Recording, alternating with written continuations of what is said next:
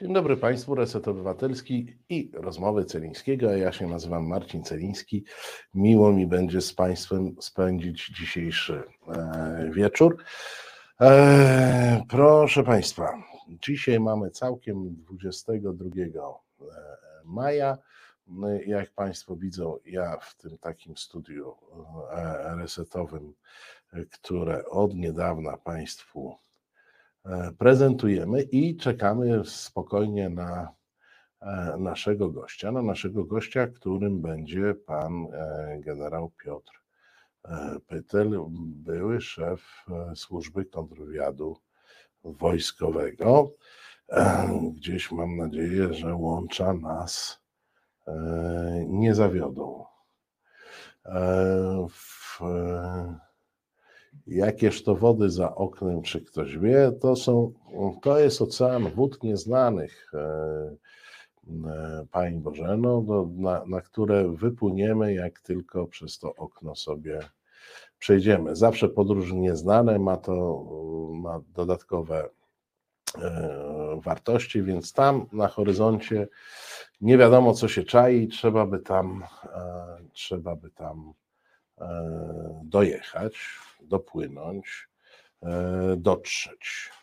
E, nie zawsze wiadomo, jak to zrobić. Proszę Państwa, czekamy cały czas e, na gościa.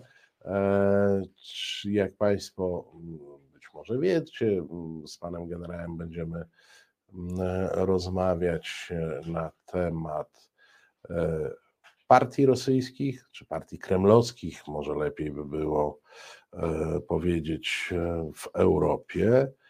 E, I mm, będziemy też rozmawiać o agenturze wpływu i agenturze informacji, bo to jest specjalność pana generała. Ponieważ widzę, że technicznie nadal mamy jakiś drobny problem, to może chwila muzyki, a my spróbujemy unormować połączenie z panem generałem.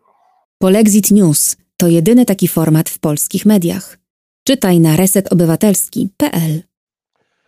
No i jeszcze raz dobry wieczór, proszę Państwa, jeszcze raz dobry wieczór. Jest już z nami nasz gość, pan generał Piotr Pytel. Dobry wieczór. Dobry wieczór, panie redaktorze, dobry wieczór Państwu. Myśmy tutaj tak chilloutowo, chilloutowo zaczęli, po to, żeby był czas się połączyć, ale pewnie tak całkiem miło to już dzisiaj e, nie będzie, jak ta muzyczka by nam, e, jak ta muzyczka by nam wskazywała. E, panie generale, tak z takich bieżących rzeczy,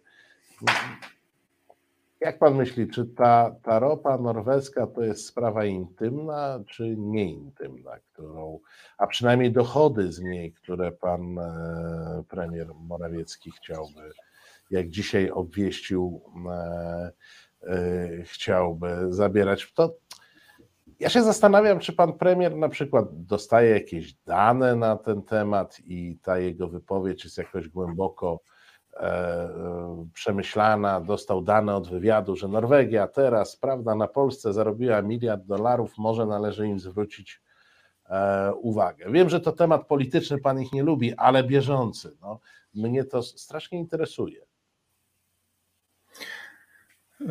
No więc tak zupełnie na spokojnie, analizując wypowiedź pana premiera Morawieckiego dotyczącą tego, że Norwedzy muszą się z nami dzielić, prawda?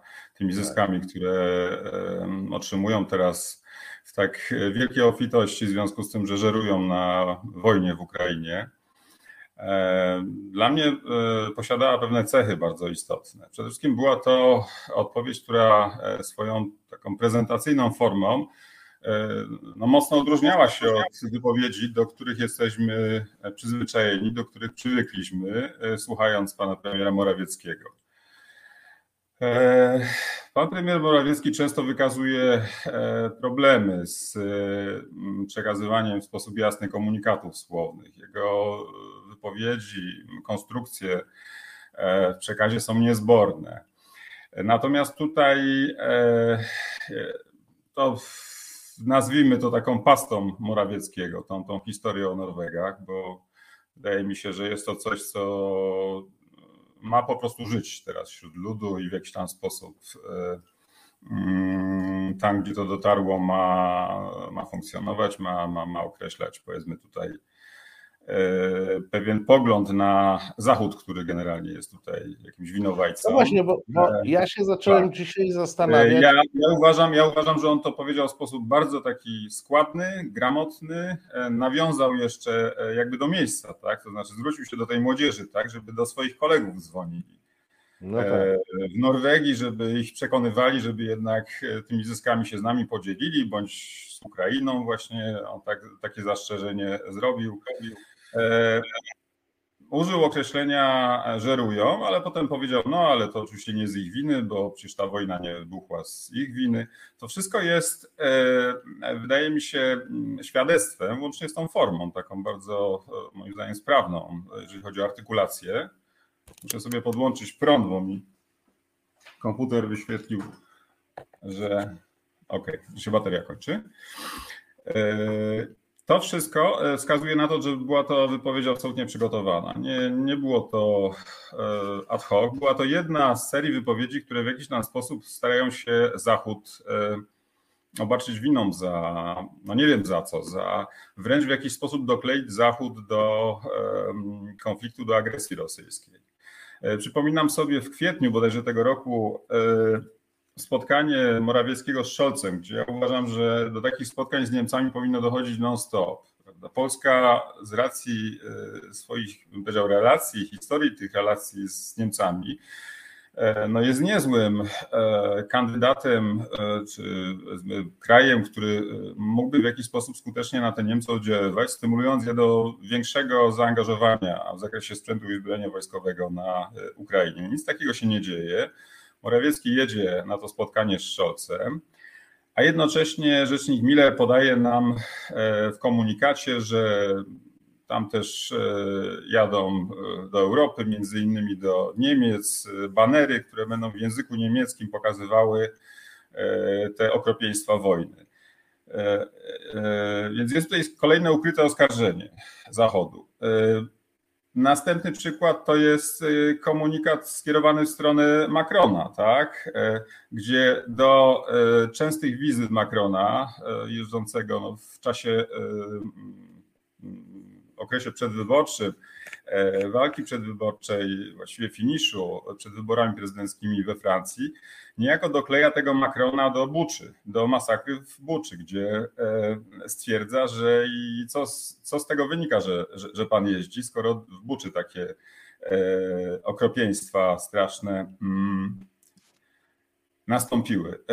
No to można to oczywiście traktować czysto logicznie, ale ten przekaz taki informacyjno-emocjonalny jednak w jakiś sposób e, jest tutaj e, oskarżycielski e, w kontekście wojny. I praktycznie w obecnym czasie, kiedy Polska ma szansę, z uwagi na swoją pozycję geograficzną i miejsce w łańcuchu dostaw, odzyskać w Europie taką no, mocną rolę, nic takiego się nie dzieje. To znaczy, cały czas ten topór wojenny jest e, wykopywany, tak? I w jakiś sposób e, strumień tych negatywnych emocji i ocen kierowany jest ku zachodowi. Dlatego e, ta, ta wypowiedź zdecydowanie dotycząca Norwegów jest, jest typową dla tego nurtu twórczości premiera i całej Zjednoczonej Prawicy. Panie generale, jak rozmawialiśmy e, po, poza anteną, to mówił Pan o tym, że no, stosuje się w takiej e, analizie działań, wypowiedzi, stosuje się po prostu pewne zasady logiki. No, starą zasadę, ten jest winien, kto ma z tego korzyść, tak? No, takie mhm. po, podstawowe rzeczy. No i ja się głęboko w tym kontekście zastanawiam nad E, panem premierem, który, jak zestawimy sobie daty, fakty, w listopadzie dostajemy informację od Amerykanów, że wojna będzie, że to nie są kolejne ćwiczenia, mhm. pogróżki, tylko jest wizyta, no przynajmniej prezydent Duda dostaje taką informację, no należy podejrzewać, że się nią podzielił.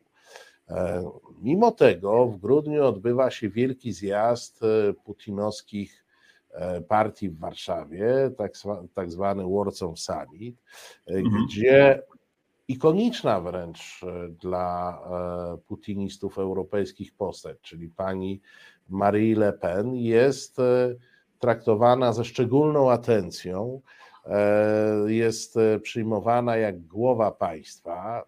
Tu oczywiście jeszcze smaczek jest w postaci kontekstu francuskiego, gdzie się toczy kampania wyborcza tak. E, prezydencka, e, wożona limuzyną e, w, w obstawie. Oczywiście z tego zjazdu warszawskiego nie wypływa żaden komunikat, który mógłby być jakkolwiek zahaczać o sprawy rosyjsko-ukraińskie w jakimkolwiek kontekście. Po prostu nie, nie ma czegoś takiego, no ale jest mowa o tym, e, że prawica europejska będzie się e, jednoczyć. Równolegle w naszych mediach, dosyć mocno w naszych mediach, to znaczy mówię o mediach e, rządowych, o, może w ten sposób.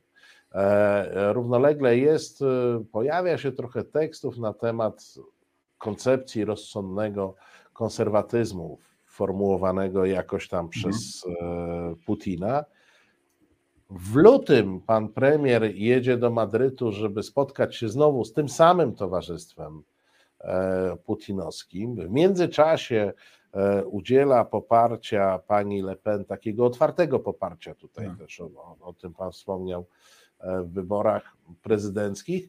Po czym jest e, wojna, e, znaczy eskalacja wojny, bo ta wojna praktycznie cały czas trwa, ale w lutym e, mamy tę agresję na kierunku Kijowa i, i, i później południowej Ukrainy. No i w zasadzie nam pan premier mówi, że nic się nie stało, jakkolwiek nie ustają, a to antyniemieckie, a to właśnie antynorweskie, co było jednak jakimś zaskoczeniem działania. Jak to tak spróbować logicznie e, zestawić i, i dokonać takiej analizy, e, w którym kierunku to zmierza e, i co w zasadzie pan premier Morawiecki tymi wszystkimi ruchami, czego dokona? E, no więc e, w ogóle e, problem, partii, nazwijmy je populistycznych, bo tutaj oczywiście można użyć węższego określenia, ale to jakby nie, to, to, to jest bym powiedział błędne w sensie takim heurystycznym. Nie, nie, pro, prorosyjskich, ale takich, które w jakiś sposób no, na pewno istotowo są bliskie ideologicznie e, systemom rządów e, Putina, e, organizacji państwa, jego wizji organizacji państwa, to od, od wielu, wielu lat właściwie ten wachlarz tych organizacji, tych formacji politycznych E, jest e, czymś no, niezwykle fortunnym dla e, Putina. Ja bym chciał powiedzieć jeszcze tam parę zdań na ten temat później. Natomiast wracając do mm, pańskiego pytania, panie redaktorze, dotyczącego motywów czy powiedział obrazu tych działań premiera Morawieckiego, pewnego rodzaju serii. Mm, można oczywiście tutaj szukać wspólnego mianownika, ale E, na pewno spotkania w ramach e, tej międzynarodówki e, są jednych z funkcji wykorzystywanych przez Kreml, właśnie związanych z istnieniem tego środowiska, tych, tych partii, które przyczyniają się do legitymizacji posunięć Kremla i takiego jakby świadectwa, że e, te osoby, które w bardzo bliskich kontaktach często pozostają z Kremlem, z Putinem, które no, w jakiś tam sposób w ramach działalności partyjnej realizują agendę rosyjską w Europie. Znaczy chodzi tu głównie na dzień dzisiejszy rozbijanie jedności Europy. E, co się oczywiście przekłada też na to, o czym wspominaliśmy w czasie jednego z, z naszych spotkań tutaj e, w resecie. E, to jest jakby uwarunkowań politycznych siły Sojuszu Północnoatlantyckiego, przynajmniej tutaj na, na, na naszym terytorium. Choć za czasów Trumpa ta sprawa też odciskała się mocno na relacjach transatlantyckich, ale w pewnym sensie e, mm, no, premier 38-milionowego państwa pokazuje, że uczestniczy e, w spędzie takich e, no, jednoznacznie przychylnych Kremlowi polityków, to to w jakiś sposób e, tą legitymację obecności w Europie, to takiej pozytywnej Rosji, Putina, pomimo sankcji, pomimo różnego rodzaju e, politycznych działań Unii Europejskiej, Stanów Zjednoczonych, które mają tą Rosję już w tym okresie, jeszcze przed wojną, gdzieś tam zepchnąć na bezpieczny dystans, prawda, gdzie mają w jakiś sposób ją ukarać, gdzie w jakiś sposób mają hamować jej e, zapędy. E, imperialne. No jednak się okazuje, że, e, że to jest wszystko e, takie, bym powiedział, no iluzoryczne, no bo jednak spotykamy się tu razem, my przyjaciele Putina. Ten Putin cały czas gdzieś tam w komentarzach, w przestrzeni, prawda, jest, że to przecież są partie proputinowskie. No więc jakby no, tego Putina legalizujemy. Po co? Wydaje mi się, że no, taką tezę bym postawił że mogło to mieć bezpośredni związek właśnie z wojną na Ukrainie. To znaczy mm, nie tyle wojną, co właśnie tym najazdem rosyjskim, e, agresją, która była planowana oczywiście w zupełnie, miała, miała, miała mieć zupełnie inny przebieg. To miało być e, krótkoterminowa operacja. Mm, świadczyły o tym użyte siły, charakter też tych sił, przecież było dużo też sił policyjnych, amonowskich, które właściwie zakładały, że jeżeli dojdzie do jakiegoś oporu, to raczej ze strony części niezadowolonej ludności, że mm, jest na tyle opanowana sytuacja agenturalnie, a e, morale e, żołnierzy ukraińskich jest tak niskie, że będzie to operacja o przebiegu w jakiś tam sposób zbliżonym do, do operacji kremlowskiej, do aneksji Kremla. I teraz jaka byłaby sytuacja? Mielibyśmy inną sytuację. Nie byłoby przelewu ukraińskiej krwi, nie byłoby, nie byłoby takiego ogromnego, jednolitego e, zrywu e, obronnego ze strony Ukraińców, który no, tutaj na nas wszystkich chyba zrobił ogromne wrażenie. E, też pewnie postawa Stanów Zjednoczonych tutaj miała swój, no, taki fundamentalny wymiar dla tworzenia tego obrazu sytuacji, a właściwie samej sytuacji. E, wszystko poszło nie tak.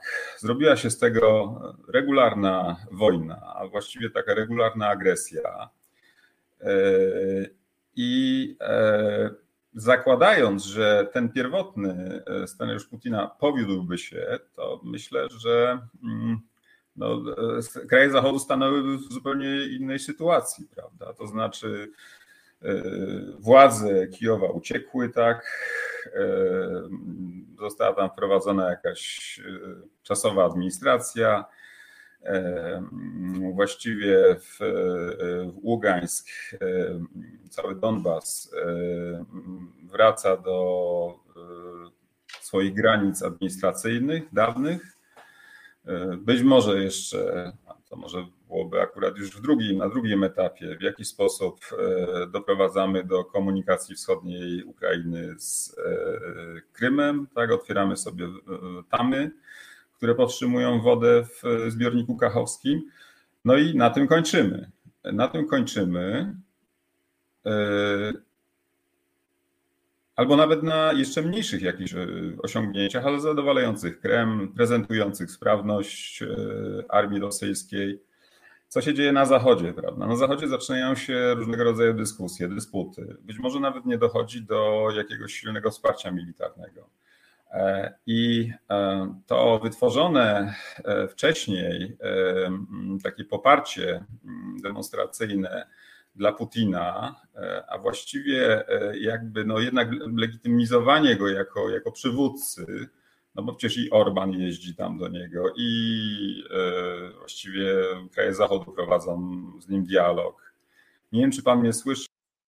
Słyszymy się, słyszymy. O, a teraz właśnie wywołał pan mm, e, e, generał Wilka z lasu, bo, e, bo jak rozumiem, zapytał pan, czy słyszymy się i przestaliśmy się mm, i przestaliśmy się słyszeć. Proszę Państwa, no to co, zagramy coś szybciutko, a za ten czas my odnajdziemy pana generała w sieci. Śledztwa Tomasza Piątka, również do przeczytania. Odwiedź resetobywatelski.pl i udało nam się wrócić, panie generale, dokładnie do pańskiego pytania. E, kiedy pan zapytał, czy ja pana słyszę, to myśmy doskonale słyszeli. A jak pan tylko zapytał, to koniec. Przestaliśmy słyszeć e, i widzieć.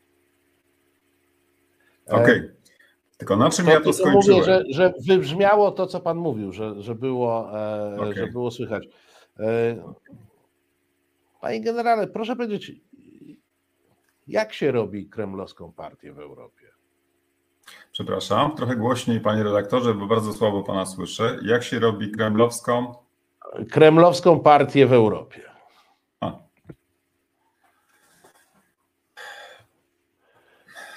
Po pierwsze, to e, wydaje mi się, że Kreml mocno przyczynił się do powstawania partii populistycznych. Tego, że e, w 2016 roku, kiedy jeszcze e, nie za bardzo e, chyba wiedzieliśmy, z czym mamy do czynienia, a już te partie tam funkcjonowały, Jobbik, Złota Jutrzemka, o ile się nie mylę, grecka nazwa, te, które były identyfikowane po prostu jako takie partie właśnie o charakterze proklemlowskim. Oczywiście Front Narodowy, Marine Le Pen, to e, mm, właściwie mówiliśmy, znaczy mówiono o takim wachlarzu e, partii populistycznych, które doskonale, których istnienie doskonale wykorzystuje Kreml. Że nie można ich traktować jako kremlowskie pionki, tylko jest to taka, bym powiedział, naturalnie spójna, czy w jakiś sposób konwergentna z pewną kremlowską ideologią, formacja bądź zespół formacji w Europie zbuntowanych wobec establishmentu. E, na przykład taki PiS to jest zbuntowany wobec establishmentu e, platformianego, który skończył się w 2016 roku do tej pory. To jest w ogóle fenomen, jak oni potrafią. No, no, zawsze warto być zbuntowanym. Tak, tak. I e, mniejszą jakby e, miarę przykładano, e, wagę przykładano do kwestii, czy to nie jest tak, że te partie w jakiś tam sposób są tworzone przez Kreml, prawda?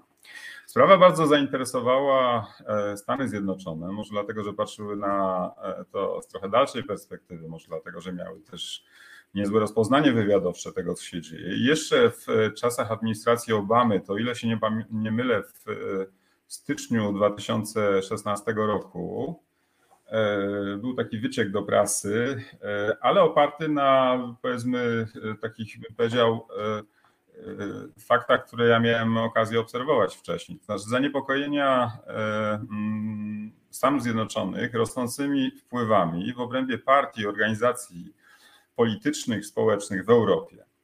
Co tak zaniepokoiło Amerykanów? No więc generalnie tutaj e, wymieniali e, takie e, mm, obszary, które są związane z finansowaniem europejskich partii, nazwijmy je tak już bym powiedział ogólnie w ramach tej naszej rozmowy partiami populistycznymi. Myślę, że Amerykanie mieli trochę więcej informacji na temat finansowania tych partii z uwagi na to, że rzeczywiście, jeżeli chodzi o kontrolę przepływów finansowych, y, umiejętności, w ogóle cały taki, całą technologię tego typu badań, no, mają na bardzo wysokim poziomie niewątpliwie. Ja się też zgadzam z tym, że nasz kontrwywiad powinien się zająć tutaj wieloma organizacjami prawicowymi i dokładnie prześwietlić ich y, finanse. Ale wracając do tego 2016 roku, szef wspólnoty wywiadowczej amerykańskiej, James Clapper, dostał zadanie, że mają mm, cofnąć się aż o 10 lat wstecz i zobaczyć, jak sprawa wygląda, na ile te partie w Europie są zinfiltrowane przez Rosję. Także tutaj nie, padło nie tylko określenie finansowania, ale też infiltracji. Co się dzieje dalej? Dalej się dzieje sytuacja, e, oczywiście już w sferze informacyjnej, z takim e, przeciekiem e, dotyczącym tego, co Amerykanów e, mm, niepokoi. Ja to mogę potwierdzić, że rzeczywiście takie, takie e, niepokoje były. Głównie chodziło o to, że E, partie te pracują e, bardzo e, intensywnie na odcinku podkopywania takiej unity, spójności, pewnego rodzaju spójności politycznej tych organizmów, zbiorowych organizmów europejskich, Unii Europejskiej, ale też różnego rodzaju organizacji i też jakby takiej sieci E, kontaktów zależności pomiędzy podmiotami politycznymi w Europie państw demokratycznych, e, że one tutaj e, dążą do erozji, do mm, dywersji, do jakiegoś rozkładu tego, tego, tego systemu. Następna rzecz to popieranie agitacji bądź różnych działań przeciwko natowskiemu systemowi obrony rakietowej Sabotaż y, prób, oczywiście mówimy o działaniach w wykonaniu tych organizacji i partii, o których wspomniałem. E, sabotaż prób znalezienia alternatywnych wobec rosyjskich źródeł surowcowych. Mhm. I wreszcie dla alternatywnych dla oczywiście rosyjskich surowców energetycznych, tak? Że tutaj, tutaj to miało być w jakiś sposób mm, powodem do niepokoju oraz przewidywane przez Amerykanów, mm, no nie tyle przewidywane, co diagnozowane, coraz większe wpływy rosyjskie w brytyjskim establishmencie, w partiach, wiodących partiach brytyjskich, organizacjach politycznych, które zdaniem Amerykanów już wtedy mogły wpłynąć na wyniki referendum e, e, europejskiego. Nie, nie znano wtedy jeszcze nazwy Brexit, natomiast e, takie, takie były przewidywania Amerykanów. No, myślę, że to na pewno nie było, powiedział, taką czysto analityczną robotą, tak? Tylko opierało się już na jakichś symptomach i faktach. No niestety, żeby to zbadać, potrzeba trochę czasu, dokładnie rok później. E, e, mieliśmy już innego prezydenta, Donalda Trumpa. No, ale właśnie, panie generale. No, I nawet nie wiadomo, jakie są wyniki tego, ale, ale to tak Amerykanie wstępu, byli, ale byli, słucham.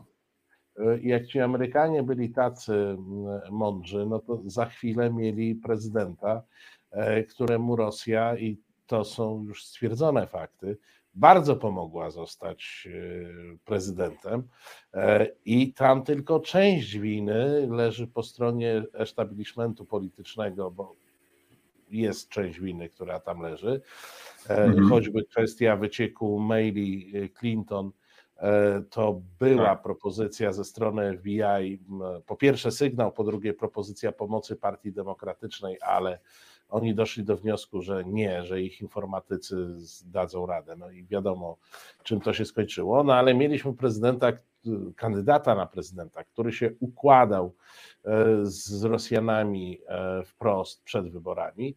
No i sami Amerykanie padli e, ofiarą dużej ofensywy tych populistów, no, u nich to się nazywa alt-right, tak. czyli alt-prawica, która z kolei przełożyła się moim zdaniem politycznie na pewien łańcuch w Europie. Między innymi PiS dostał duże, e, e, duże wsparcie.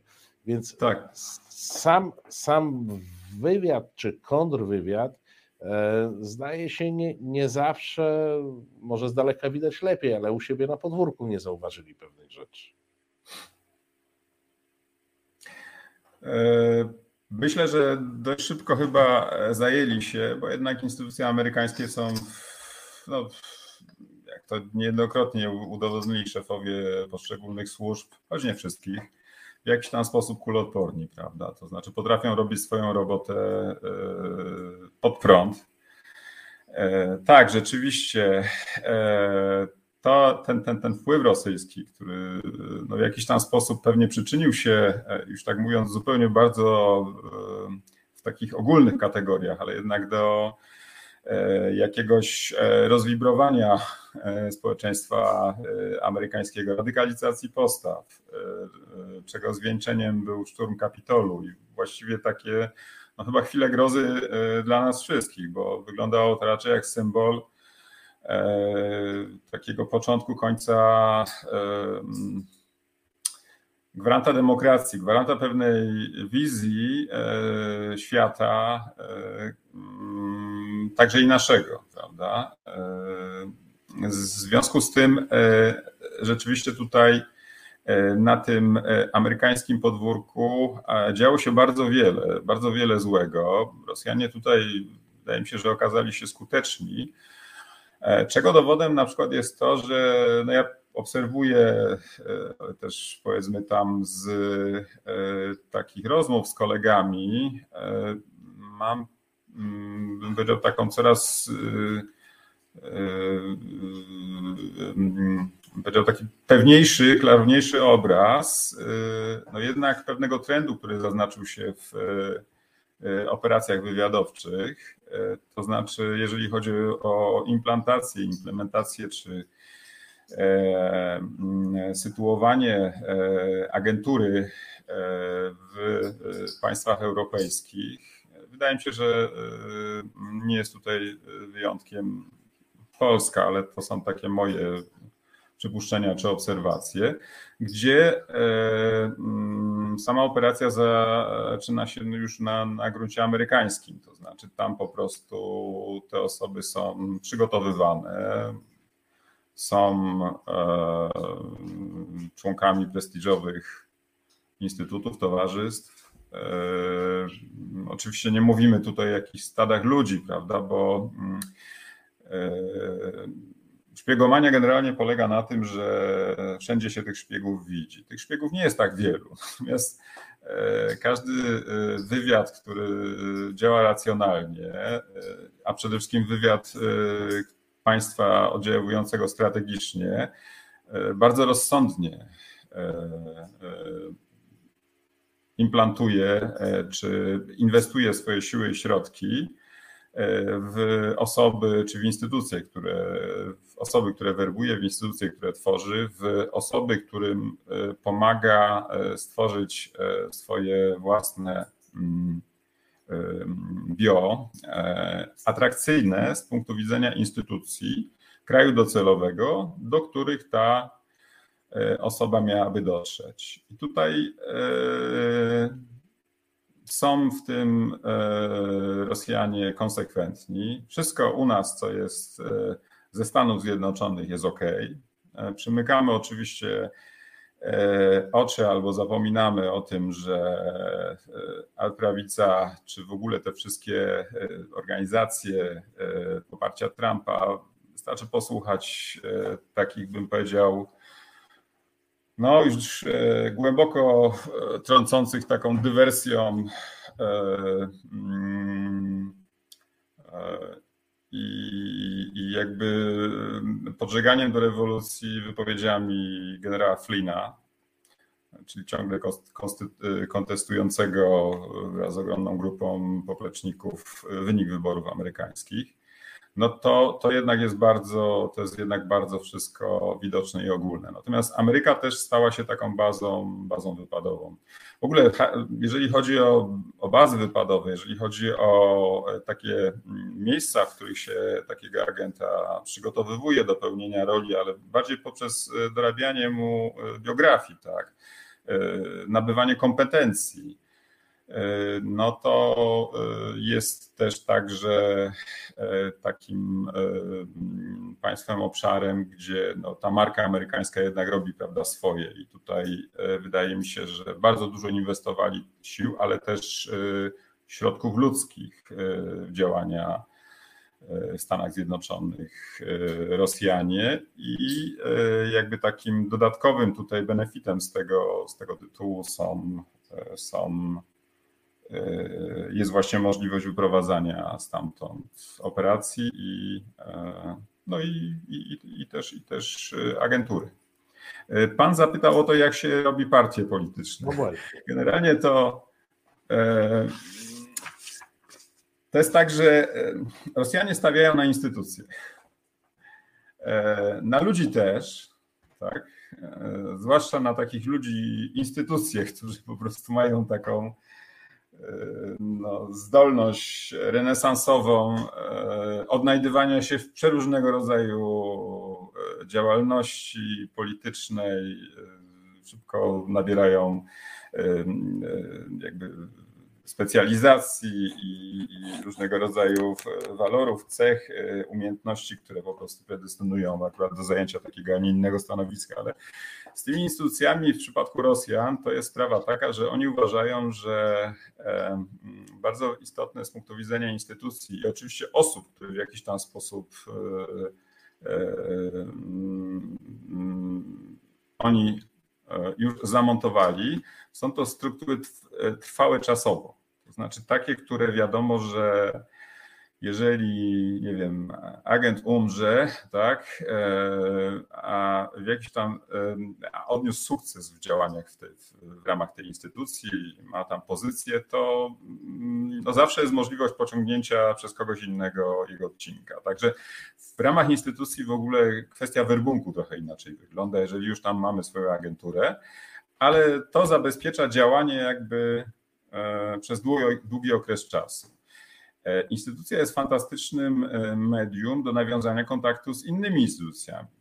No bo jeżeli jakaś instytucja, fundacja, partia polityczna napisze oficjalne pismo, wystosuje do innej, prawda, albo poprosi o informacje, albo zaproponuje jakieś wspólne działania, prawda, e, jakąś inicjatywę, no to automatycznie w tym momencie zakres oddziaływania tej instytucji i kontakty poszerzają się. W instytucjach mamy stały dowpływ młodych kadr. To są potencjalni pomocnicy, osoby, które można czy to pozyskać już do świadomej współpracy, czy też w jakiś sposób E, potraktować instrumentalnie, prawda? Także tutaj okres typowania, przyglądania się, e, no przede wszystkim dostęp do dokumentów kadrowych, tak? Daje tutaj duże możliwości. E, następuje też coś takiego jak wymiana, transfer kadr pomiędzy instytucjami. I tutaj chciałbym podać kilka przykładów z Polski, na przykład z 2006 roku, ale nie chcę tego robić. A szkoda. Gdzie, gdzie rzeczywiście coś takiego się, się odbywało. Te instytucje to są często długie historie, one tam sięgają wstecz. Zakorzenione są te instytucje w świadomości danego narodu, tak? Więc jakby też odpada taka nieufność ze strony innych instytucji ludzi, organów zajmujących się e, tropieniem obcej działalności wywiadowczej na naszym terenie. E, to, co jest najlepsze w tym wszystkim, to to, że działalność wywiadowczą, sabotaż, czy nawet czasem dywersję, prawda? E, I tu znowu mi się nasuwa skojarzenie z, z pewną osobą, paraliżowanie funkcjonowania instytucji, no można doskonale wpisać w taką naturalną, albo nie tyle naturalną, ale mieszczącą się w ramach działalność tejże instytucji, y, statutową czy y, ustawową, instytucji takie jak partia, jak ministerstwo. Właściwie, jeżeli jest to twór, który no w warunkach polskich jest tworem politycznym, to różnego rodzaju pociągnięcia zupełnie niezgodne z polską racją stanu albo szkodzące Polsce, można w jakiś sposób e, no tutaj e, spuścić na karb albo to walk frakcyjnych w partii, albo takiej, a nie innej polityki danej instytucji generalnie funkcjonowanie instytucji, nawet przemieszczanie się szefów instytucji, za granicą. Możliwość tworzenia różnego rodzaju w ramach tej instytucji podinstytucji, tak, zajmujących się tam badaniem różnych rzeczy, no to to jest jakby kolejna y, fantastyczna okazja dla Rosjan do, do działań. Panie generale, bo A, to pan... jest bardzo istotne, bo na tak szczególnym terenie jak Polska, y, y, szczególnie jeżeli chodzi o jeszcze ostatnie zdanie, o, o no to nasze nastawienie takie nieufne do, do Rosjan, delikatnie mówiąc, e, instytucja jest dos, doskonałym przykryciem. Instytucja jakby jest koniecznym przykryciem e, działań, jeżeli ktoś ma odnieść w ogóle jakiś sukces. Mówimy tutaj e, przede wszystkim o infiltrowaniu instytucji, ale też o właśnie używaniu pewnej działalności w ramach organizacji do takiej trampoliny w tą sferę polityczną. Tak? Mówimy także o tworzeniu instytucji, instytutów, e, mm, fundacji przez, przez Rosjan. Oczywiście w warunkach polskich raczej będą to twory, które powstają też za granicą. Tak, na, na przykład mogą wyjść od Brazylii i opanować Europę i Polskę też mm. w jakiś sposób. E, panie generale, bo tu mi się nasuwa takie pytanie. Większość tych działań, o których Pan mówi, to faktycznie, co zresztą Pan zauważył, może być wpisane w jakieś działanie polityczne, w jakąś koncepcję e, mhm. polityczną i ktoś coś psuje, bo taką ma koncepcję polityczną. No i tutaj e, w ramach e, zasad naszych konstytucyjnych wyborcy powinni ocenić go w kolejnych wyborach i tak dalej, i tak dalej. Ale ja się zastanawiam, gdzie tu jest moment, w którym powinno wkroczyć państwo z tymi instytucjami, o których Pan mówi, że w Stanach to tam nimi kierują kuloodporni, w Polsce jest trochę gorzej, czyli kiedy służby powinny zweryfikować e, i czy służby mają takie możliwości i prawne, i techniczne, żeby zweryfikować kogoś, kto jest ewidentnym szkodnikiem i gdzie zachodzi podejrzenie, że e, ta jego działalność to jest działalność przeciwko Polsce, a nie w ramach jakiejś e, koncepcji politycznej. To jest trudne do oddzielenia, ale w którymś momencie no, trzeba to oddzielić, bo w państwie demokratycznym musimy e, dać wolność także psucia. To znaczy, jeżeli wybieramy głupich polityków, to oni będą psuli. I dać możliwość odwołania głupich polityków, którzy psują. No, ale gdzieś musi być w tym państwie bezpiecznik, który dawałby możliwość reakcji, jeżeli ten psowacz, mówiąc już tym e, określeniem, nie jest po prostu głupim politykiem, tylko jest agentem albo człowiekiem otoczonym przez agentów, bo to jest bardziej skomplikowane. Ja tutaj absolutnie przyjmuję to, co pan generał mówi. Tych szpiegów to jest tam mało, bo ich dużo po prostu nie potrzeba ale jest mnóstwo ludzi otoczonych różnymi wpływami i tym podobnymi, działającymi na, na szkodę państwa. Gdzie tu służby mogą zadziałać?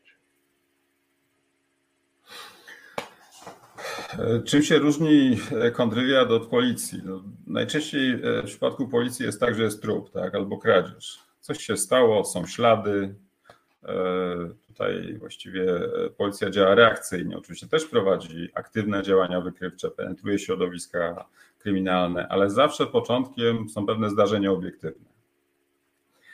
E, w przypadku działalności wywiadowczej, i mówię tu zarówno o agenturze wpływu, jak i pozyskiwaniu informacji, jak i różnego rodzaju innych mm, działaniach, które są po prostu działaniami obcych wywiadów wykonywanych polskimi rękami, E, osobami, e, poprzez osoby, które są powiązane z tymi służbami. E, nie ma czegoś takiego najczęściej jak dymiący pistolet, jak ten twardy, taka twarda poszlaka. Dlatego kontrwywiad wypracowuje swoje własne metody, które służą mm, diagnozie. Diagnozą, diagnoza najczęściej zaczyna się od kwestii e, oceny, czy dana osoba działa w interesie Polski. No jeżeli ktoś opóźnia e, jakieś bardzo istotne dla Polski projekty, e, zwodząc jednocześnie opinię Zakup śmigłowców. No tak, rzucę taki No na przykład, przykład. zupełnie, No ale wolałbym zupełnie tutaj raczej jednak mówić, posługiwać się takimi oderwanymi przykładami. Dlatego to ja E, powiedziałem. I trwa to przez lata, prawda? A teraz e, się nagle okazuje, że wojna, której miało nie być, czyli e, starcie zbrojne Rosji z Polską, z NATO, też mam nadzieję, że się nie wydarzy, ale jest ona bardziej prawdopodobna, jak bardziej prawdopodobna niż kiedykolwiek przedtem. No, stoimy w, w takim, bym powiedział, potencjalnym zagrożeniu, którego aktualnie, gdybym miał oceniać e, prawdopodobieństwo jego zajścia, no to ono, ono nie jest wysokie, ale jest na pewno dużo, dużo większe i tutaj już procentami nie będę posługiwał. E, Od e, czasu, gdybyśmy popatrzyli rok wcześniej czy, czy dwa lata na, na realia naszej sytuacji międzynaro- międzynarodowej i architekturę zagrożeń. Ktoś opóźnił przygotowania Polski do e, stawienia czoła takim wyzwaniom. E, W pierwotnym planie modernizacji technicznej e, było, z tego co pamiętam, sporo założeń, które kończyły projekty, czyli pozyskanie danego rodzaju broni bądź pewnego etapu na roku 2022. E, Właściwie takimi prioryte- priorytetami, o których było wiadomo, że są bardzo istotne, no, śmigłowce tak, były priorytetem, były bardzo potrzebne. Tutaj po prostu jest ogromna luka, jeżeli chodzi o zdolności e, w zakresie śmigłowców wielozadaniowych, czy nawet program Kruk, śmigłowce szturmowe.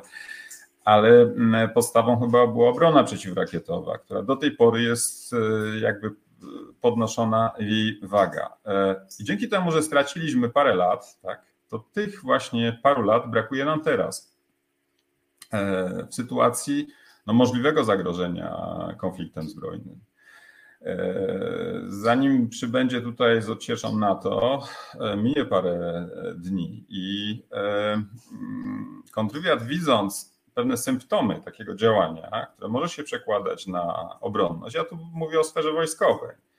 Natomiast też wyobrażam sobie, że kontrwywiad cywilny, obserwując e, mm, zachowania, e, które no, na przykład są zachowaniami niekonstytucyjnymi, tak, no, jest zobowiązany do e, zbadania tej sprawy. Więc mamy pewne symptomy, symptomy bardzo wyraźne, tak. Pominę już pewne, bo nie chcę tego przedłużać, ale grzechy pewnych osób, które no, naraziły nas na, skończyło się na komentarzach prasowych, na takim, bym powiedział, e, też e, jakby spuszczeniu wszystkiego na karp tego, że ktoś ma nie po kolei w głowie, że robi takie rzeczy. E, Znaczy myślę tutaj oczywiście o, o wejściu do Centrum Eksperckiego Kontrwywiadu NATO, czyli międzynarodowej organizacji utworzonej pod auspicjami NATO. No to nas mogło naprawdę bardzo dużo kosztować. I interes, że tak się wyrażę, sojuszu tutaj zwyciężył, ale praktycznie no jest to działanie, które jednoznacznie wskazuje na próbę takiego bardzo gwałtownego, gwałtownego zamachu na istotną z punktu widzenia NATO instytucję.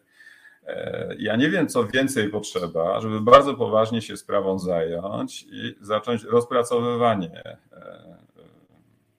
takich działań, prawda?